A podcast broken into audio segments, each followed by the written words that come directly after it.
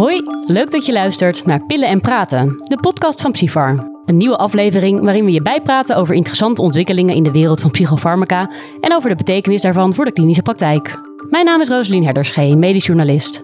En ik zit hier samen met Cisco van Veen, psychiater in opleiding. Hallo allemaal. De derde Psyfar van dit jaar is alweer uit en Rosalien en ik hebben allebei alvast een artikel uitgekozen waar we in deze podcast over gaan doorpraten. Ik ga zo meteen een prachtig overzichtsartikel bespreken over de obsessieve-compulsieve stoornis. Maar eerst is Rosalien aan de beurt. Ja, mijn oog viel op het stuk libido-remmende medicatie bij zedendelinquenten. Dat geschreven is door psychiater Jelle Troelstra. Dat artikel sprak me aan omdat dit een gespreksonderwerp is dat in de media eens in de zoveel tijd opleidt. Vaak nadat er een zedendelict heeft plaatsgevonden, waar dan uitgebreid over bericht is. En ik realiseerde me dat je uh, weinig hoort over de precieze toedracht van de behandeling van deze populatie. Troelstra zoomt in op de vraag: wat is de rol van medicatie in de behandeling van zedendelinquenten? Oké, ja, ja, interessant. Want je hoort inderdaad eens in de zoveel tijd over uh, rugmakende zedenzaken. En dan wordt er ook altijd wel gekeken naar de rol van de forensische psychiatrie. Um, zelf weet ik hier eigenlijk niet zoveel vanaf, omdat ik niet in de forensische psychiatrie werk. Maar ik weet wel dat we in de DSM het dan vooral hebben over parafiele stoornissen. Rosalien, jij hebt, hebt dit voor ons uitgezocht. En, en hoe klassificeren we die parafilieën eigenlijk? Ja. ja, ik had het ook niet uh, paraat, dus ik ben inderdaad even gaan uh, uitzoeken. Nou, je hebt talloze parafilieën, ja, gedefinieerd als afwijkende seksuele interesses, waarvan er acht zijn geclassificeerd in de DSM-5. Mm Er wordt daar onderscheid gemaakt tussen afwijkende activiteiten en afwijkende objecten, dus afwijkende voorwerpen of personen. Onder het eerste valt dan voyeurisme, exhibitionisme, sadisme, masochisme en ook het minder bekende frotturisme. Wat is dat? Ja, dat is het zichzelf tegen iemand aanwrijven. Oké. Hm. En dan uh, zonder, uh, zonder instemming. En onder het tweede valt fetischisme, pedofilie en uh, travestie. Nou, dit artikel gaat dan op het volgende in. Als iemand last heeft van bepaalde seksuele neigingen, wat kun je daar dan aan doen? En uh, het stuk gaat daarbij niet echt in op de vraag in hoeverre uh, libido-remmende medicatie zedendelicten kan voorkomen. Mm -hmm. uh, dient vooral als een handzaam overzichtsartikel voor de klinicus die iemand met bijvoorbeeld parafilie of hyperseksualiteit behandelt. En wil weten wat de medicamenteuze opties zijn om de drift onder controle te krijgen.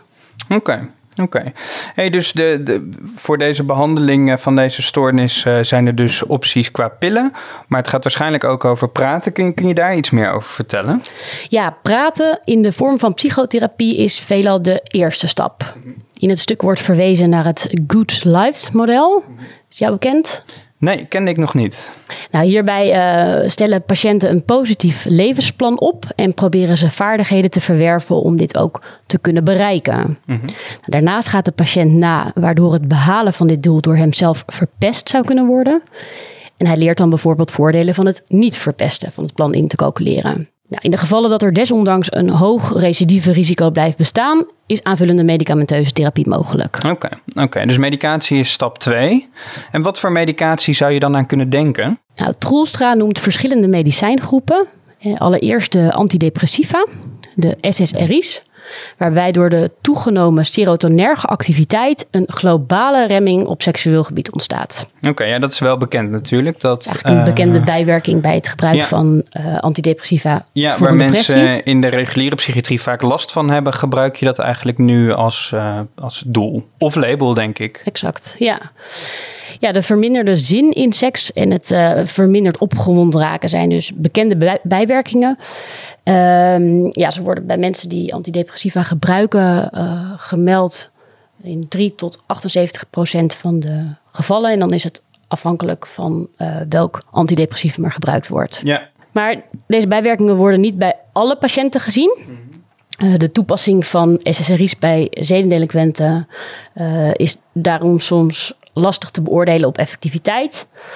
Wat wel een voordeel is van SSRI's, is dat het gebruik van antidepressiva breed geaccepteerd is in de maatschappij, waardoor de acceptatiegraad bij zedendelinquenten zelf ook hoog is. Ja, precies. Ja, ja.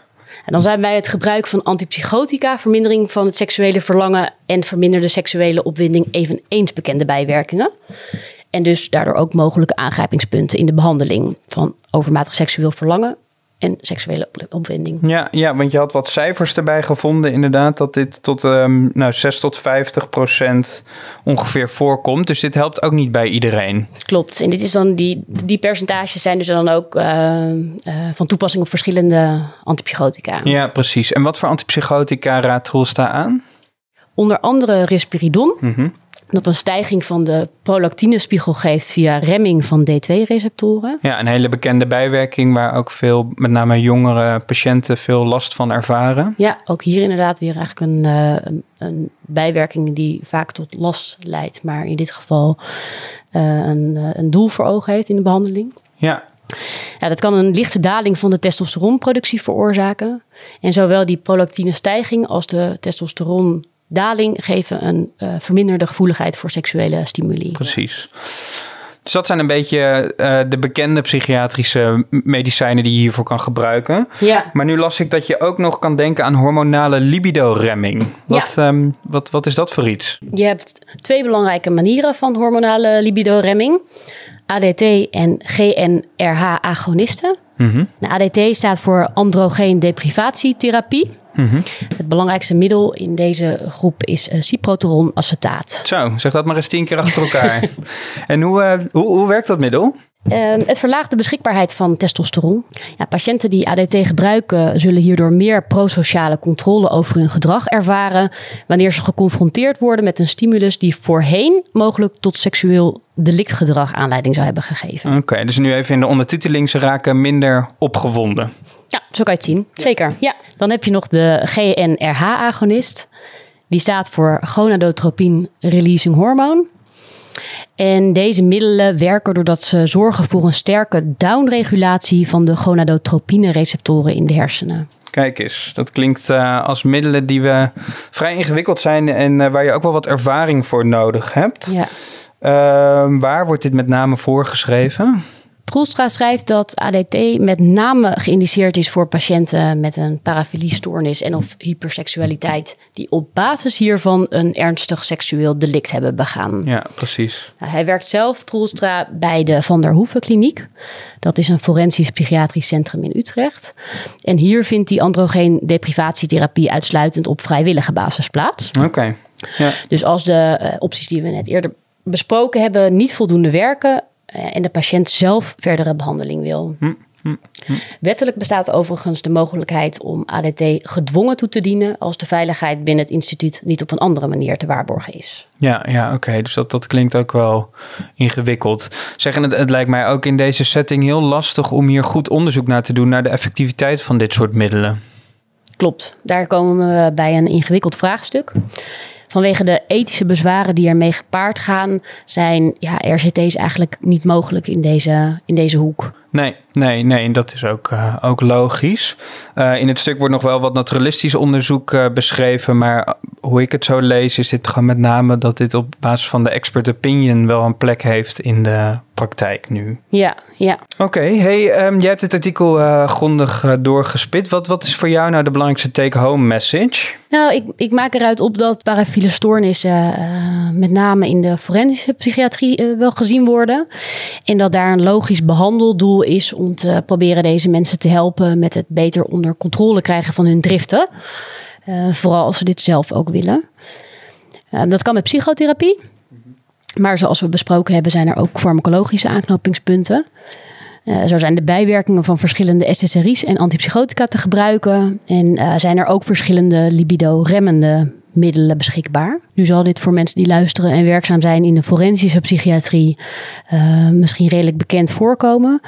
Uh, Cisco, ik ben eigenlijk benieuwd, um, wat is de, de, de plek hiervan in de reguliere psychiatrie? Ja, daar heb ik ook goed over na te denken. En ik moet zeggen dat ik het nu in de oudere psychiatrie waar ik werk niet, niet dagelijks tegenkom. Um, ik, heb ook even wat, wat cijfers teruggelezen en ook daar is het wel moeilijk uh, om prevalentiecijfers te geven, uh, omdat dit gewoon een moeilijke doelgroep is om te onderzoeken. En ook uh, als je kijkt naar wat er in de DSM dan als comorbide stoornissen genoemd worden, dus met name de gedragsstoornissen, maar ook de middelenstoornissen, um, denk ik vooral ook dat ja, mogelijk in de sociale psychiatrie toch wel mensen uh, uh, rondlopen die last hebben van parafiele stoornissen, die mogelijk nu niet uh, direct herkend worden. Dat vond ik dus ook heel leuk om te lezen. Ik denk zelf dat ik zo'n hormonale libido-remmer niet snel zou voorschrijven, omdat dat toch wel hele specifieke kennis behoeft. Maar ja, antidepressiva en antipsychotica uh, kan natuurlijk wel. Dus dan kan je bijvoorbeeld zelf al in overleg de eerste twee stappen zetten voordat je iemand uh, weer verwijst. Dus dat, uh, nou, dat is denk ik wel een mooie boodschap van dit artikel. Ja, ik kan me voorstellen dat het best een lastig onderwerp is om naar te vragen. Wat is jouw ervaring daarmee? Ja, dat merk je met uh, uh, alle vragen over seksualiteit. En daar worden we ook in de opleiding wel flink op gedrild. Ik denk dat het gros van de psychiaters dit hartstikke goed doet. Uh, maar toch, veel van onze middelen hebben effect op de seksualiteit en het libido. En ik denk dat we daar gewoon wel aan moeten blijven werken. En zorgen dat we een open en uh, nou, ja, zorgvuldig gesprek daarover voeren. Dus dat, um, daar kan dit artikel ook wel weer aanleiding toe geven. Ja.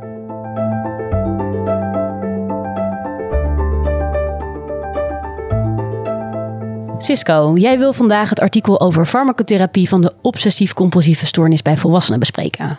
Yes, klopt. Uh, het is een artikel geschreven door Hanneke Dumortier en Harold van Meegen, beide werkzaam bij GGZ Centraal.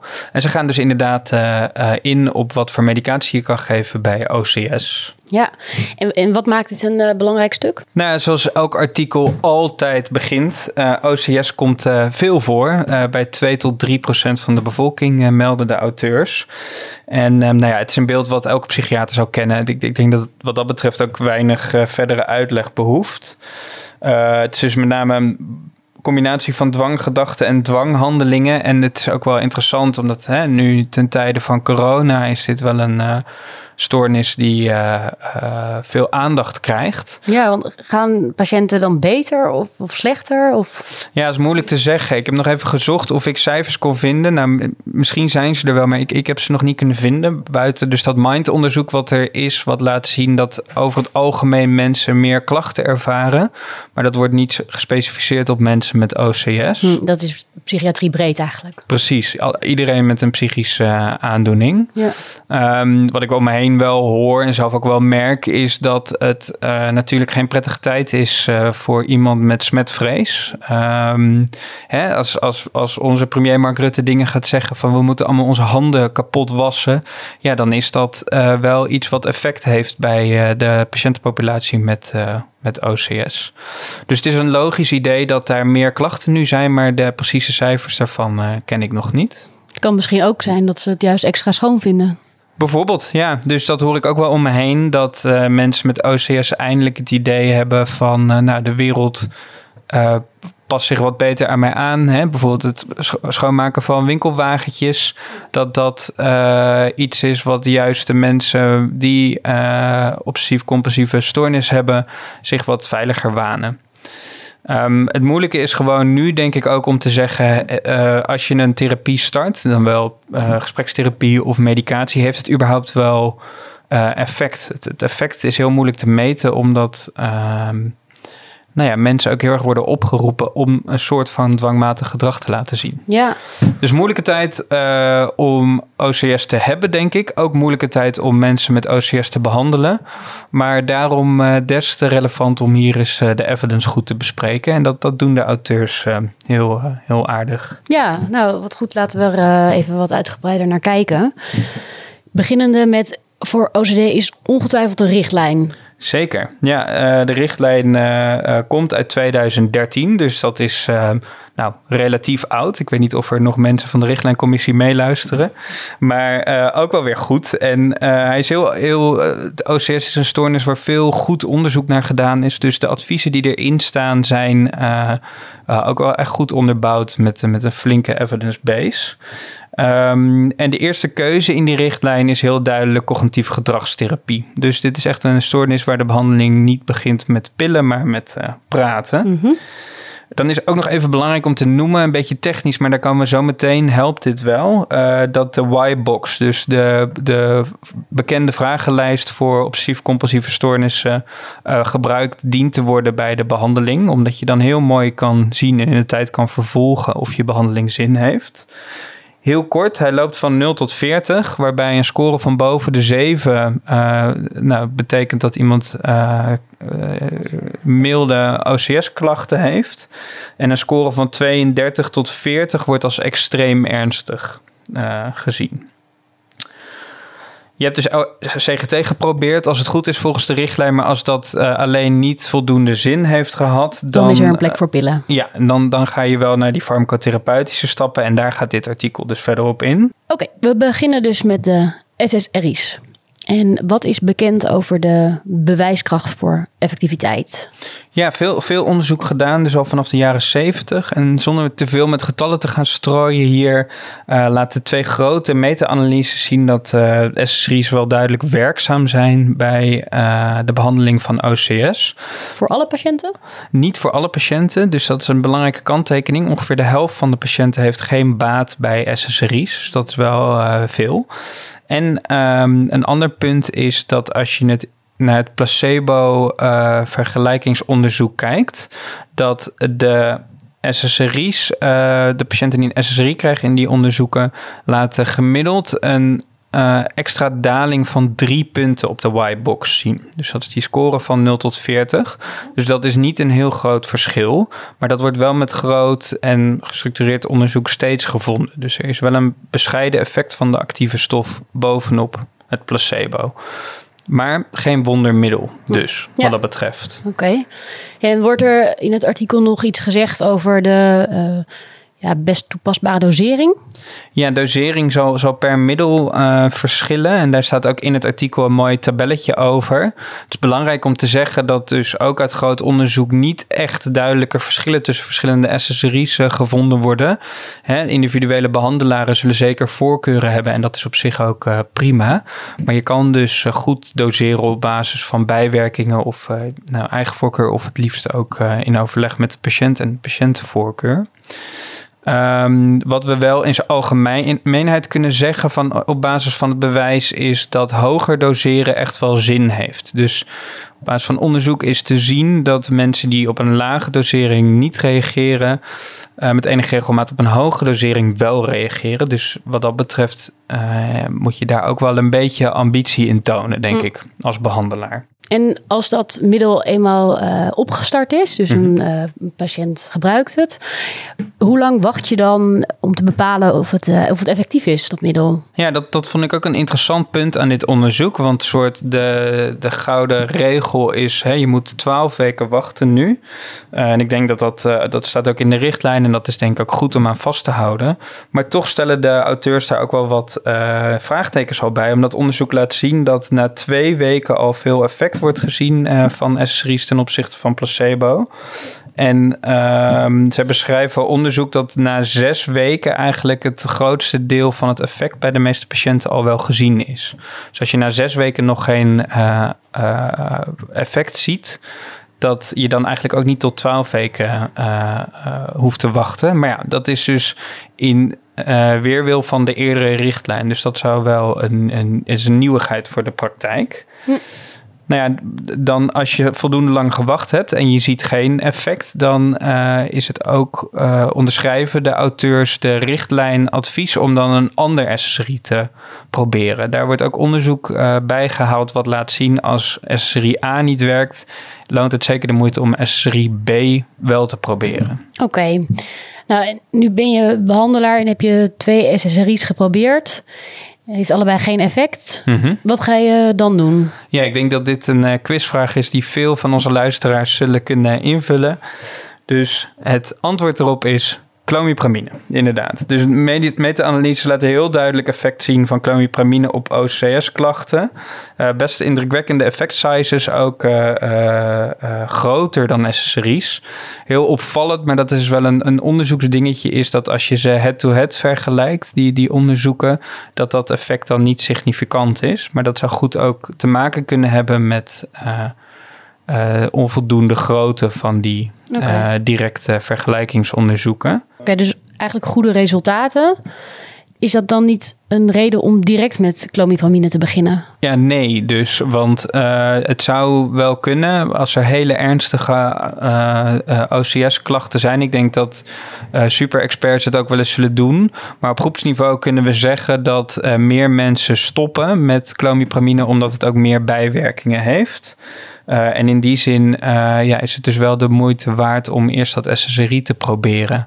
Wat zijn nou die bijwerkingen? Dat zijn met name de anticholinerge bijwerkingen, dus bekende droge mond, duizeligheid, obstipatie, tremoren. Maar ook, en dat wist ik ook niet direct, uh, gewichtstoename. Dat is natuurlijk een bijwerking die we veel zien bij antipsychotica, maar dus ook bij clomipramine op lange termijn wordt dat gevonden. Nou ja, hè, we moesten het even noemen. Het was deze podcast nog niet voorbij gekomen. Maar de QTC-tijd is natuurlijk iets waar je op moet letten bij clomipramine. Zeker uh, ook bij oudere patiënten. Dus dat is iets om mee te nemen. En uh, clomipramine en, en andere TCA's kennen we in het verband van depressiebehandeling wel dat er een hele duidelijke dosis-responsrelatie is. Daar is ook naar gekeken, maar dat is er voor OCS-patiënten niet volgens de auteurs. Dus je hoeft niet spiegel te controleren om te kijken of je wel de goede dosis hebt. Een spiegel kan wel nuttig zijn om te kijken of je niet uh, per ongeluk uh, te hoog doseert, waardoor de patiënt heel veel bijwerkingen heeft. We volgen dus nog steeds die richtlijn uit 2013. Staan daar nog andere nuttige adviezen in? Zeker, ja. Dus um, in plaats van switchen naar clomipramine, als een SSRI of twee SSRI's niet werken, uh, beschrijft de richtlijn dat je ook antipsychotica kan uh, voorschrijven. En bij antipsychotica is er wel een duidelijke voorkeur, namelijk uh, aripiprazol, haloperidol of risperidon. in het artikel worden ook evidence beschreven wat deze keuzes ondersteunt. Um, let wel op als je denkt over ik ga een uh, antipsychoticum bijstarten, dat je dan niet clozapine bijstart. Want dat is nou net een middel waarvan bekend is dat hij meer dwangklachten kan geven. Dus clozapine heeft geen rol in de behandeling van mensen met, uh, met dwangklachten. Nou, nu hebben we verschillende middelen gehoord die overwogen kunnen worden bij OCS. En als het nou eenmaal gewerkt heeft, wanneer bepaal je dan uh, dat je stopt met de behandeling? Ja, inderdaad een, een, belangrijke vraag. En ook een vraag die steeds vaak meer aandacht krijgt binnen de psychiatrie terecht. Dus wanneer stoppen we? Daar hebben we eigenlijk uh, vooralsnog vrij weinig onderzoek uh, naar gedaan wereldwijd. Maar dat is, nou, dat wordt nu is een hot item. Um, daarom hebben we ook niet echt goede onderzoeken om ons hierop te baseren, beschrijven de auteurs. Um, wel beschrijven ze onderzoek dat laat zien dat uh, er vaker terugvallen zijn bij patiënten die stoppen met het gebruik van SSRI's. En dat het uh, wel mogelijk moet zijn om de dosis te verlagen. Het staande advies uh, op dit moment is om uh, na respons nog één of twee jaar door te behandelen. Maar daar gaat vast, nou, daar wordt vast op dit moment goed naar gekeken. Dus in de toekomst gaan we daar mogelijk op terugkomen. Maar dus wel een tijd doorbehandelen als er effect is geweest. Goed, nou is die richtlijn uit 2013. Mm -hmm. Onderzoek heeft de afgelopen zeven jaar vast niet stilgestaan. Ja. Zijn er nog andere, inmiddels veelbelovende middelen te noemen? Ja, ja, daar gaan de auteurs ook op in. Uh, op basis van de kennis van, van hersencircuits en neurobiologie is de afgelopen jaren veel belangstelling voor de rol van glutamaat in de pathofysiologie van OCS. Uh, het artikel beschrijft verschillende middelen die hierop aangrijpen. Dus dat is goed om, als je dat helemaal in detail wil weten, om het artikel er even bij te pakken. Maar de meest belovende die, die ik er in ieder geval uithaalde zijn uh, in ieder geval memantine. Is een middel wat we geven uh, tegen Alzheimer dementie. Dit is een partiële NMDA-receptor-antagonist en werkt dus in het glutamaterge systeem. Um, ze beschrijven hier zoals een meta-analyse uh, van verschillende RCT's, waarbij dit werd toegevoegd aan een SSRI, dit middel, en dat liet dan uh, duidelijke nou, effect zien. Uh, andere middelen, die, dus die meer glutamaterge middelen die ze beschrijven, zijn uh, topiramaat en lamotrigine. En daar zijn ook wel wat RCT's van die een effect lieten zien. Maar als de auteurs volgens mij hun geld op één middel in moesten zetten, wat veel belovend is, dan gingen ze voor de memantine. Oké. Nou, nog even afwachten dus wat al het verdere onderzoek oplevert en of dat gevolgen gaat hebben voor, voor die richtlijn. Gaan we vast nog meer over horen. Mhm. Um, wat zijn nou voor jou de belangrijkste boodschappen uit dit artikel? Ja, dus uh, wat, ik, wat ik wel vaker zeg is dat ook dit weer een fijn overzichtsartikel is. Die richtlijn is best uh, lijvig en dit uh, artikel uh, zet dat toch samen met de evidence die achter die richtlijn ligt heel mooi op een rij. Ook mooi dat tabel wat laat zien welke dosering en welke duur je uh, nodig hebt van werkmiddel uh, is, is nuttig. Dus een fijne aanvulling op die richtlijn eigenlijk. Ja, zeker. En eentje gewoon om in je laten te leggen. Misschien wat betreft artikel of digitaal ergens soms weer bij te pakken wat, wat nou specifieke dingen waren die voor mij nieuw waren, uh, als relatief uh, jonge psychiater in opleiding, was dat ik dus geen uh, remissie echt hoef te verwachten als ik een SSRI of zelfs clomipramine voorschrijf. Dus dat de middelen wel werken, maar niet iemand klachtenvrij maken. Dus dat ga ik zeker meenemen. Um, en uh, wat ik leuk vond om te lezen is dat ook hier dus wel weer concrete aanknopingspunten zijn voor nieuwe therapie. Dus ik hoop, uh, nou, ik ga dat wel met interesse volgen de komende jaren. Ik ben benieuwd of, uh, of over tien jaar OCS heel anders behandelen dan nu met meer glutamaterge middelen. Ja. Nou, wie weet zitten we hier over tien jaar met hele nieuwe inzichten. Wie weet. We zijn gekomen bij het einde van deze aflevering van Pillen en Praten, de podcast van Psyfar, waarin we het gehad hebben over de medicamenteuze behandeling van parafiele stoornis en OCS. In de derde Psyfar van dit jaar is weer veel ander moois te lezen. Uh, Cisco, jij hebt hem al even doorgebladerd. Wat viel jou zo al op? Ja, er staan uh, verschillende mooie artikelen onder. Uh, onder andere een artikel over Brexpiprazol. Dat is geen middel wat je kan nemen als je helemaal moe bent van de Brexit. Maar het is een nieuw antipsychoticum wat uh, nog niet in Nederland op de markt is. Auteurs gaan er helemaal diep op in of dit middel nou een plek heeft in onze huidige klinische praktijk. En er wordt een grote meta-analyse over antipsychotica uh, beschreven, die vorig jaar in de Lancet verscheen. Uh, die ik in ieder geval ook wel via kats en praatjes voorbij heb zien komen. En er wordt nu uh, goed en kritisch gekeken van wat leert dit mega-onderzoek ons nou over het voorschrijven van antipsychotica. Goed, ja, een kritische beschouwing dus. Mm -hmm. Mooi, we horen natuurlijk graag wat jullie van deze podcast vinden. En dit kan via het platform waarop je deze podcast luistert of door een mailtje te sturen naar podcast.psivar.nl. Je kan ons ook helpen door deze podcast een beoordeling te geven. Dat helpt anderen weer om hem te vinden. Tot de volgende keer. Tot de volgende.